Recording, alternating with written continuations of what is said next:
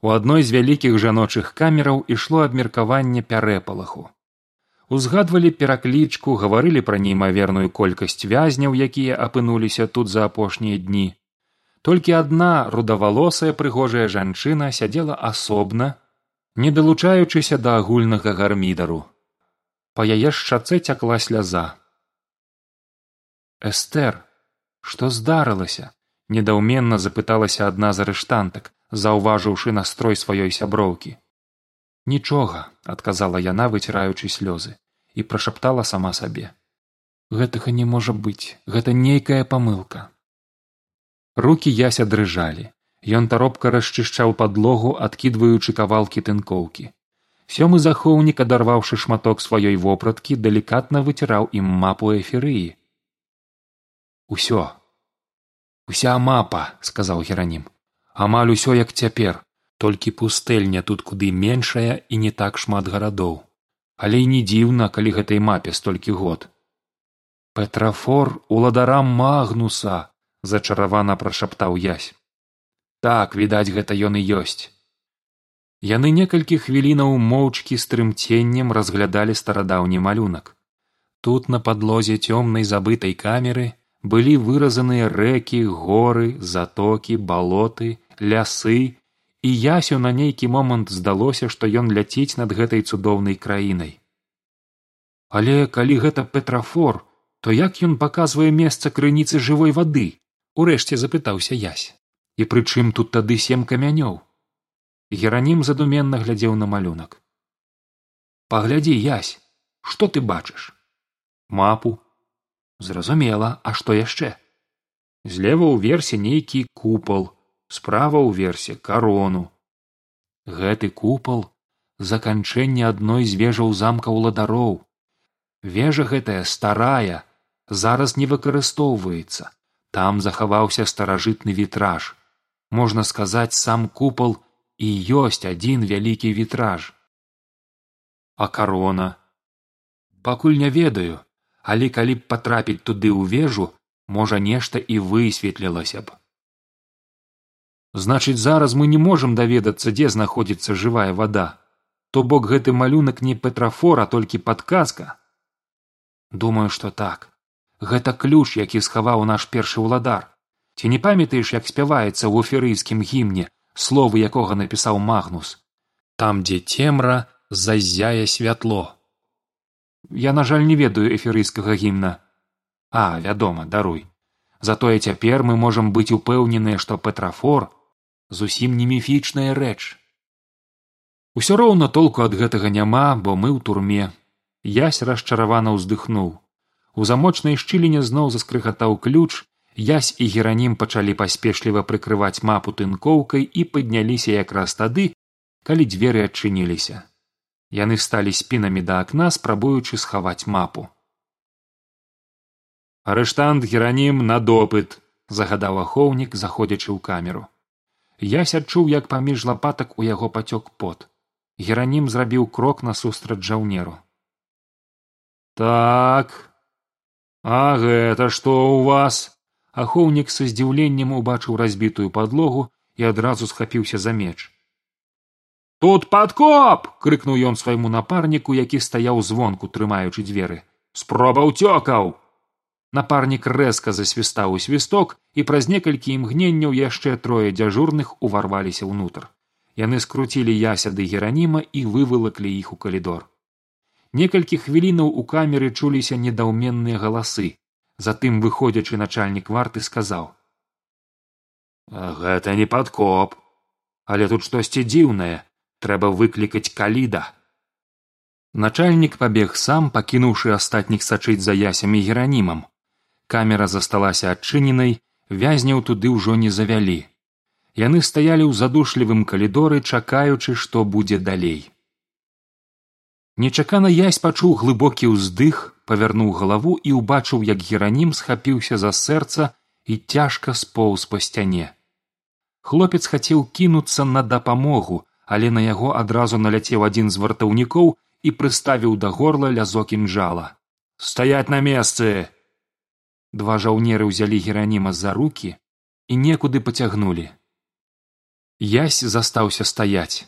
Неўзабаве вярнуўся начальнік варты. Разам з ім прыйшоў нейкі высокі чалавек з доўгімі чорнымі валасамі і вокам якое не рухалася.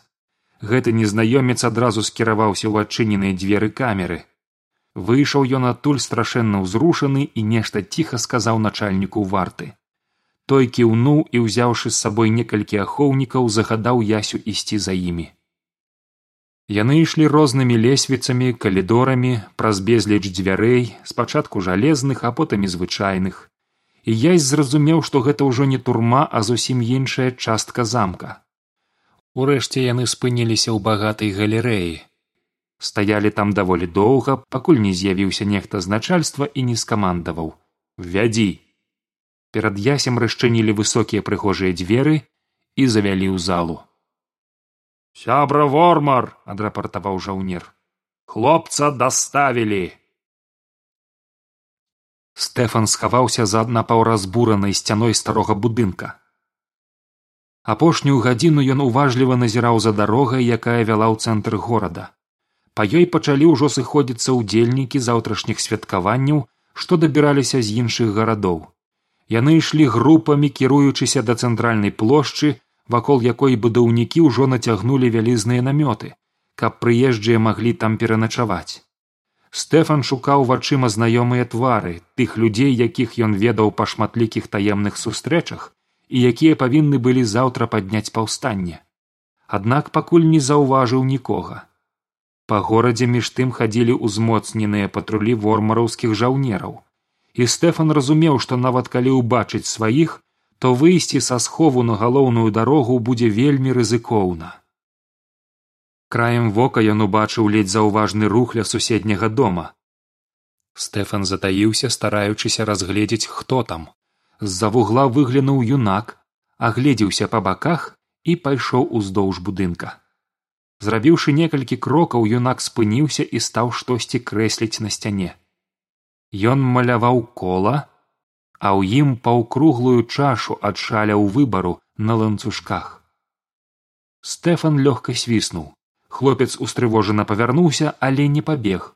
Стэфан выглянуў з за свайго сховішча паклікаўшы яго.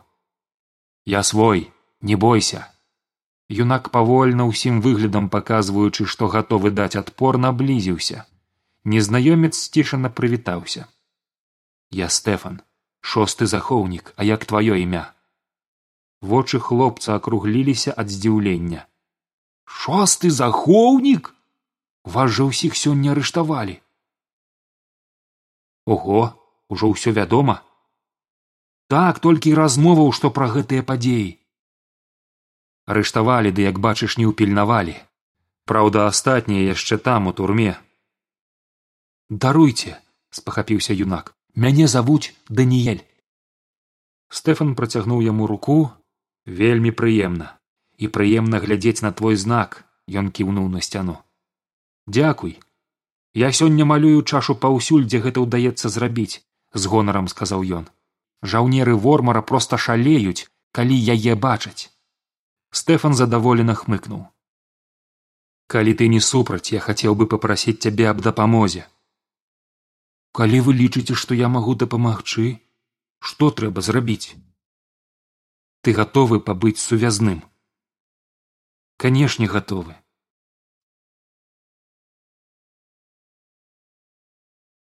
Вітаю цябе ясь вандроўнік.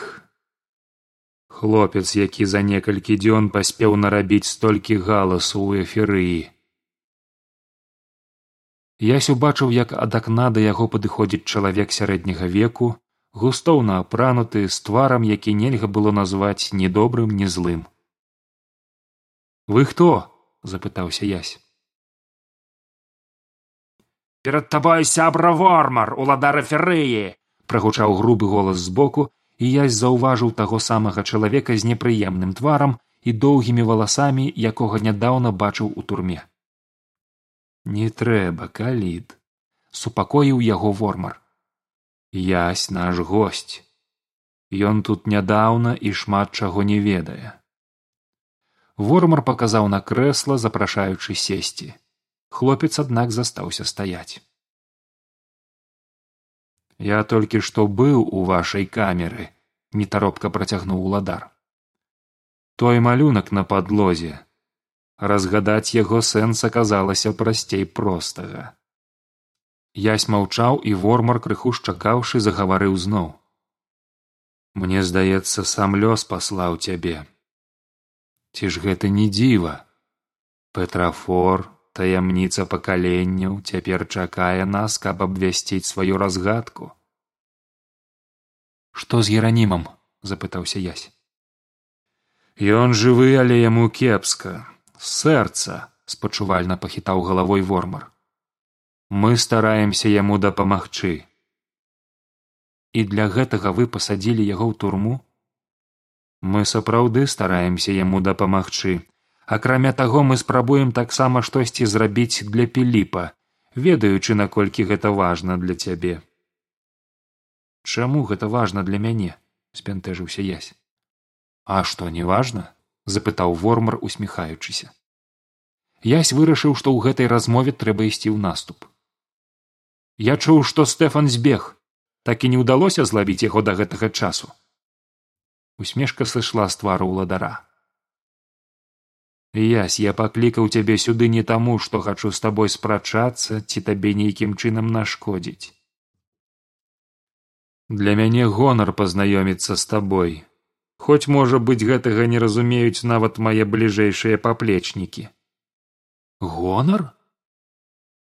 Вядома. Ты чалавек які з'явіўся тут невыпадкова ад цябе шмат што залежала а будзе залежаць яшчэ больш. Менавіта таму я хацеў бы запрасіць цябе ў петрафор у старую вежу са шкляным купалам. Сем камянёў сабраныя з тваім удзелам. Петрафор знойдзены табой было б несправядліва калі б ты адсутнічаў пры самым цікавым вормар падышоў да акна і паглядзеў на неба зацягнутае нізкімі аблокамі праз іх цьмяна прасвечвала сонца хочаш піць Ён павярнуўся да яся і паказаў на залаты графін. Частуйся. Ясю сапраўды хацелася, але ён не скрануўся з месца. Ты думаеш, што я цябе атручу? Здзівіўся вормар. Не бойся, гэта проста вада. Ясь наважыўся, падышоў да стала, напоўніў вадою залаты кубак і выпіў. Усё ідзе так, як мусіць ісці. Бачыш, раніцай зусім не было сонца і вось яно з'яўляецца і што гэта значыць здзівіўся язь сёння дзень сонцастаяння сёння ноч пачынае набіраць сілу. Ад майго даўняга продка смелага ваяра мне дасталіся старыя кнігі. У іх напісана што менавіта ў гэты дзень апоўдні калі сонца свеціць у найвышэйшай кропцы петрафор можа адкрыць сваю таямніцу. Хутка поўдзень трэба спяшацца. А калі я не захачу? Дык табе не патрэбная жывая вада язь апусціў вочы долу. Праз некалькі хвілінаў яны ўжо ехалі ў карэце. Язь пад наглядам чатырох жаўнераў сядзеў насупраць уладара вормар загадаў спачатку ехаць у храм сямі камянёў. Гэты будынак стаяў непадалёк ад замка ля прысадаў што вялі на цэнтральную плошчу. Перад храмам аказалася некалькі соцень чалавек. Яны тоўпіліся каля ўваходу шумелі піхалі адзін аднаго спрабуючы чым хутчэй патрапіць у свяцілішча. Сем калонаў храма падпіралі трохкутны порцік які закрываў ад сонца сем мармуровых скульптураў у цёмных нішах.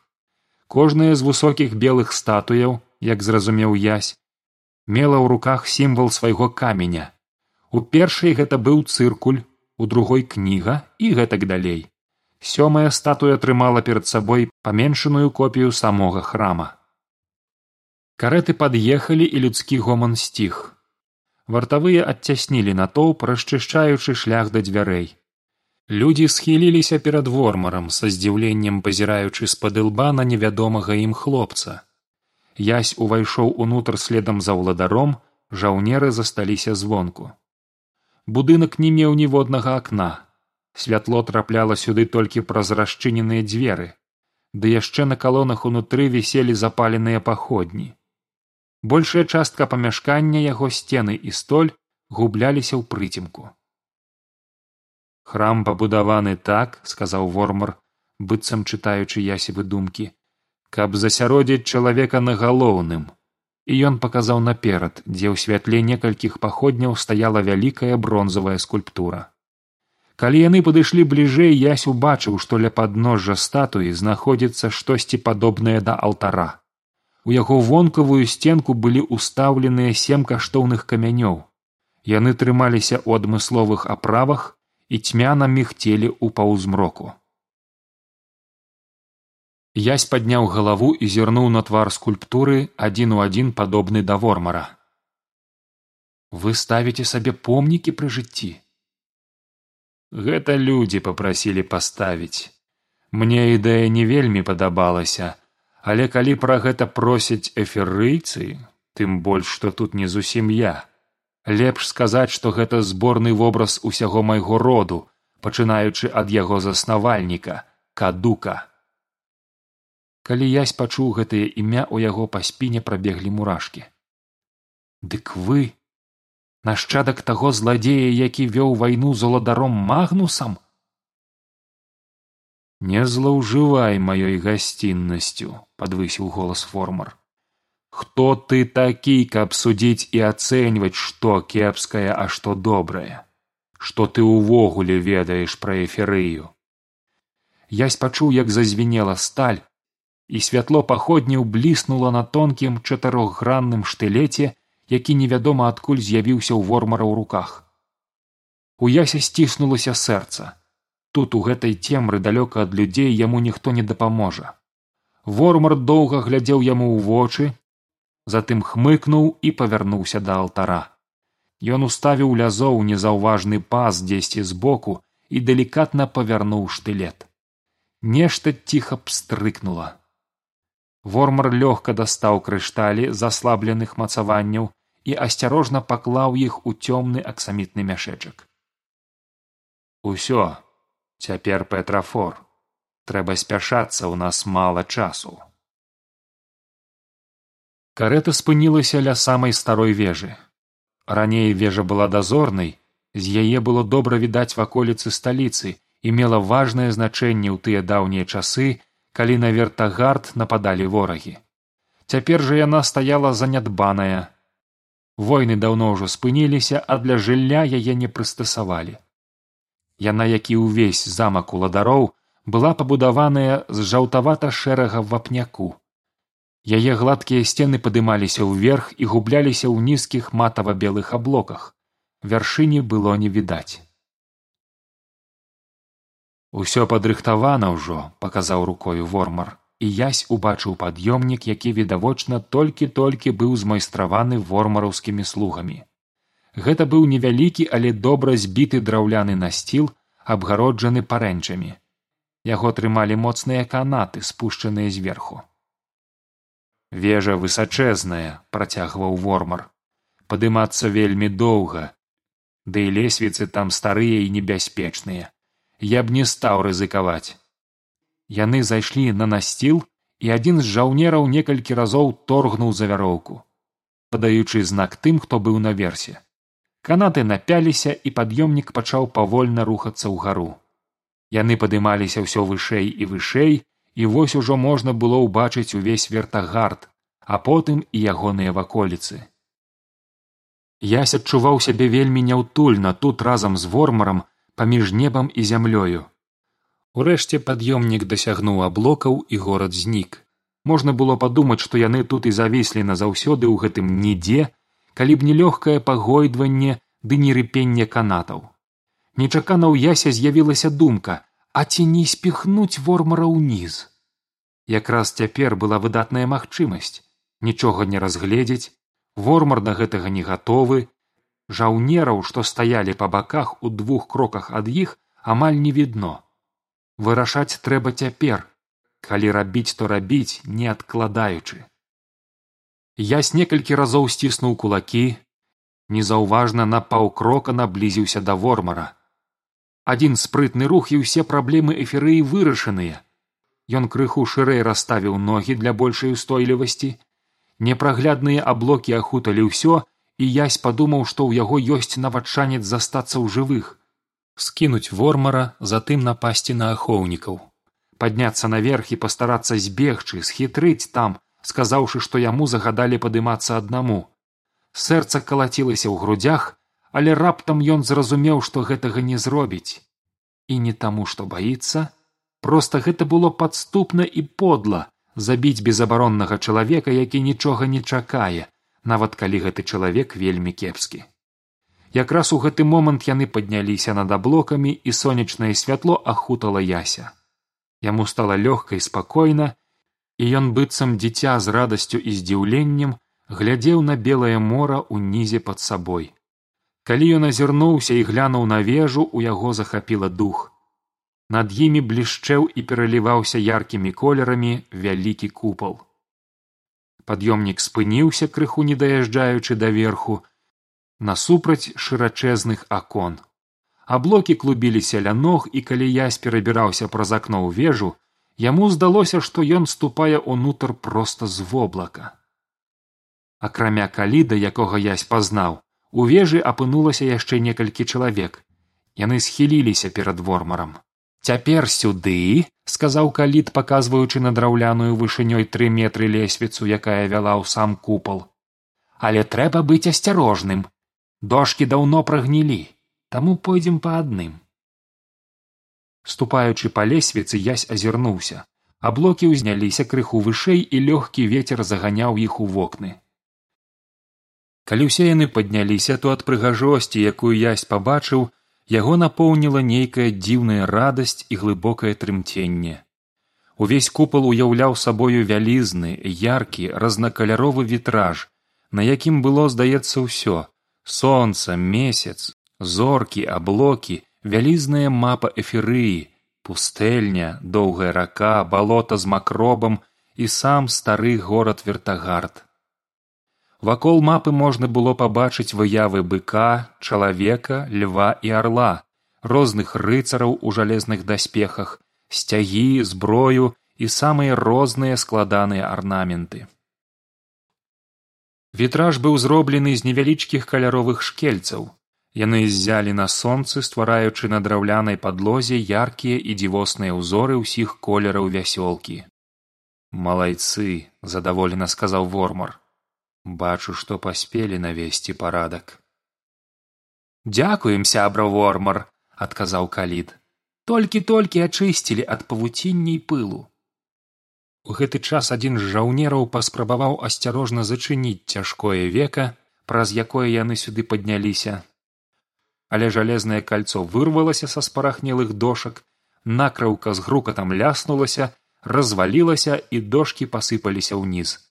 Жаўнер стаяў спалоханы чакаючы пакарання. Сёння не той дзень каб зважаць на гэта сказаў вормар.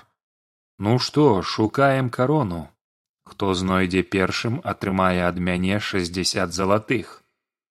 Вормар павярнуўся да яся і ціха прамовіў.